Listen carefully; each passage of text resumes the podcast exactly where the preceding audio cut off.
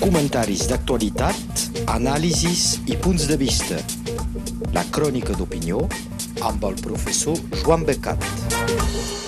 Bon dia, Joan Becat. Bon dia. Parlem, evidentment, de l'elecció presidencial que marquen un canvi. Sí, les urnes han donat el seu veredicte. El president Macron és reelegit amb un marge prou ample, de 17 punts, però amb una clara progressió del Rassemblement Nacional de la Marine Le Pen. L'extrema dreta creix d'un 10% en relació amb el 2017, tant si se mira la primera volta com la segona. S'ha insistit molt als mitjans de comunicació francesos sobre el creixement de l'abstenció, però jo no crec que sigui tan impressionant com diuen. A la primera volta va créixer de només 1% en relació amb el 2017 i d'una volta a l'altra de només 2%. Això a França, car a Catalunya Nord s'ha votat més. Eh, només 24% d'abstencions al 2017 com al 2022. És igual. I els votants no s'han desmobilitzat car el mateix nombre ha votat a una volta com a l'altra, cosa que s'haurà d'analitzar de prop per veure els comportaments dels electors d'una volta a l'altra. Això dit, veig dues anàlisis molt diferents segons que es mira al conjunt de l'Estat o a Catalunya Nord. Precisament, comencem per l'anàlisi i la valoració a l'estat francès. Doncs, a França, el nou mapa electoral no ha canviat gaire, llevat, com hem dit, d'un increment per Marine Le Pen i d'una baixada de l'Emmanuel Macron, però no tant que el que deien les previsions que baixaria, cosa que demostra que la gent, que no són seus, s'ha espantat de veure Marine Le Pen a les portes del poder. Com ho ha reconegut el president Macron mateix, això l'obliga a canviar diverses coses, des de la manera de governar fins a punts del seu programa i de les seues prioritats, és a dir, integrar temes d'altres partits i candidats, com la programació climàtica, que anirà, és interessant, lligada directament al primer ministre, doncs fora de les pressions i lluita entre ministeris que havia denunciat el Nicolas Hulot quan va demitir. Fonamentalment, en el mapa de la segona volta retrobem les tendències de fa cinc anys. No ha canviat. Els departaments de la costa mediterrània, el nord de França i uns quants departaments de l'est són terres del Rassemblement Nacional, on s'ha consolidat. Tot l'altre, és a dir, la major part de l'Estat, ha votat Macron, tot i que el candidat Mélenchon hi hagi fet resultats sovint bons a la primera volta. Si durant aquests cinc anys el president Macron no és tan imperial, si practica de debò la concertació i, sobretot, si sap pactar reformes i la seva política social amb els sindicats i l'esquerra melanchonista, pot desinflar el Rassemblement Nacional, que s'ha nodrit essencialment del descontentament popular, en general justificat, i d'electors desemparats. Ara bé, per això, el gran canvi polític és a un altre lloc, que possiblement marcarà un abans i un després. Acabem de viure el dinamitatge d'un sistema polític que funcionava des de fa prop de 100 anys, als anys 20-30 del segle passat, amb l'oposició i l'alternança al poder de dos blocs antagonistes, la dreta i l'esquerra. És acabat, car els partits que ho portaven, sobretot els socialistes i els republicans, ni arriben junts a sumar 10% dels vots a la primera volta, quan fins i tot abans lluïen de majories. És probable que això hagi descol·locat molts electors que no han retrobat la rutina de sempre, inclòs el front republicà, que ell també ha saltat pels aires com a dany col·lateral de la deflagració política. Ara no en tenim dos, sinó tres blocs. En el lloc principal és format pel conjunt del centre-dreta i del centre-esquerra, que abans es repartia de cada cantó, reforçat per la gent vinguda de la tendència socialdemòcrata i de la dreta moderada i europeista.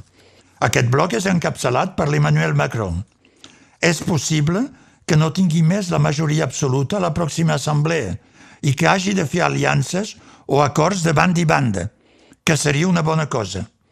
Els socialistes i els republicans, tot i que disminuint, havien guardat un grup parlamentari notable que no és cert que ho puguin fer aquest juny 2022, car, com per l'elecció presidencial, perdran vots als extrems de banda i banda, que aniran amb els Mélenchon o amb el Front Nacional, amb el Rassemblement Nacional. De totes maneres, els seus petits grups parlamentaris hauran de triar si són les tropes supletives dels uns o dels altres. El segon bloc és l'extrema dreta. Si la Marine Le Pen se tanca enfront del Zemmour i de la seva neboda Marion, que ja han captat una part de l'electorat dels republicans, tindrà un grup parlamentari, aquesta vegada, possiblement nombrós, però no podrà governar.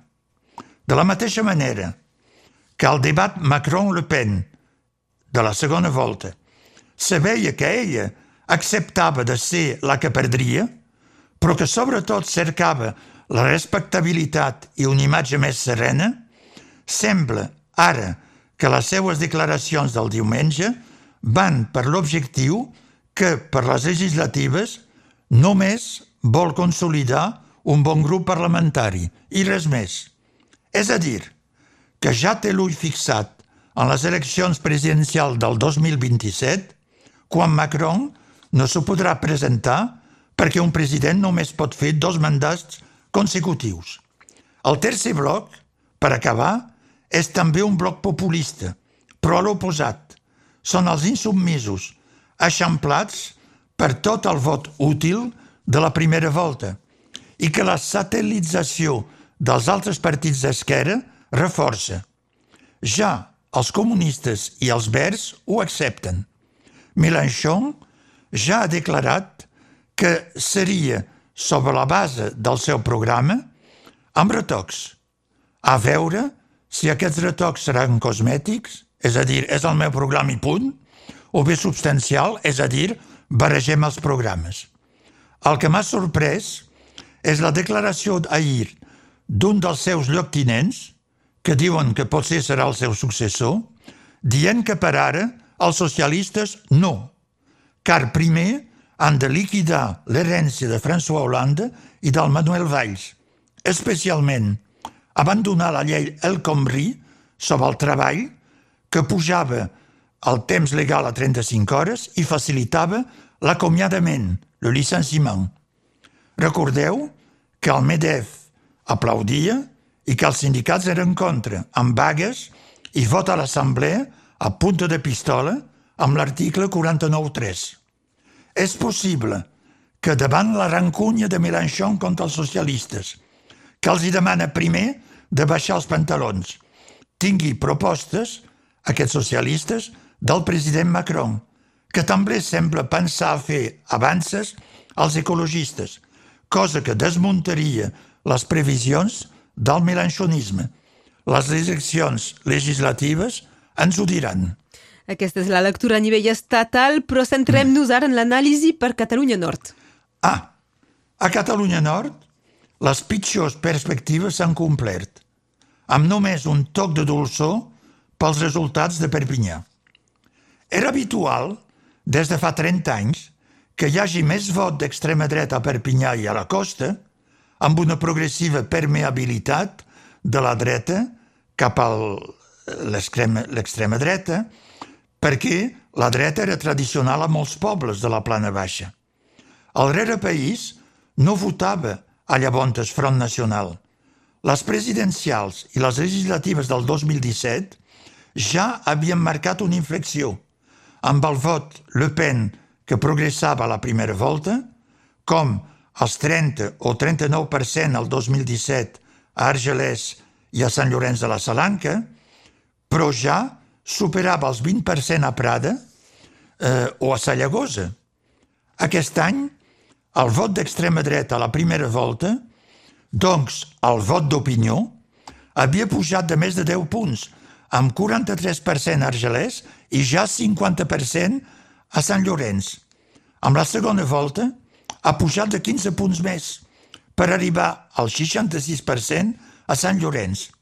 És a dir, que s'hi han sumat els vots de dreta i part dels de Mélenchon, com per les legislatives del 2017, que van veure Lluís Allió elegit, però amb més força. La sorpresa és que el mateix moviment ha guanyat bona part del rere país, amb Estagell 43% i 63% a les dues voltes, i a Prado Sayagusa més del 50%.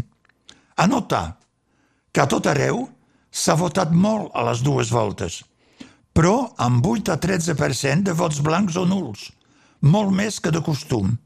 Això vol dir que el vot Mélenchon s'ha repartit entre el vot blanc, com ell suggeria, i entre Macron i, sobretot, aquí, Le Pen.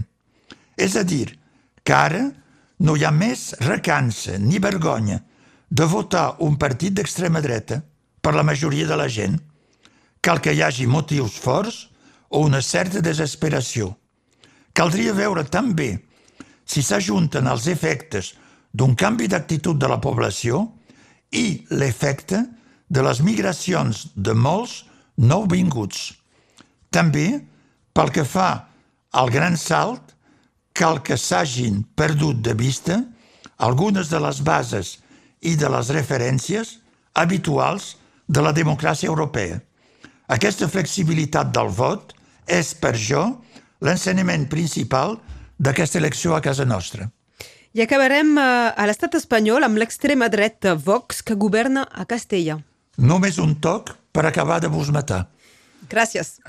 Aquesta setmana, el govern autonòmic de Castella i Lleó ha pres possessió de les seves funcions amb un president del Partit Popular, això és habitual, i un vicepresident i tres ministres de Vox, el partit que se reivindica de l'herència franquista. En efecte, les eleccions autonòmiques a Castell i Lleó, que el primer ministre espanyol declarava prioritàries per ell per damunt de la taula de diàleg amb Catalunya, ha donat el resultat que s'esperava. Se confirma l'evolució d'Espanya cap a l'extrema dreta i el creixement de Vox, el partit neofeixista, que se consolida cada vegada més com a partit que participa al govern, el determina, el condiciona. Els socialistes no són més allà el primer partit, baixen molt. Aquesta baixada incitarà Pedro Sánchez a continuar a no fer concessions a Catalunya, ja que el Partit Popular que ha guanyat i Vox que ha progressat l'acusaven de ser a les ordres dels independentistes catalans. No és veritat.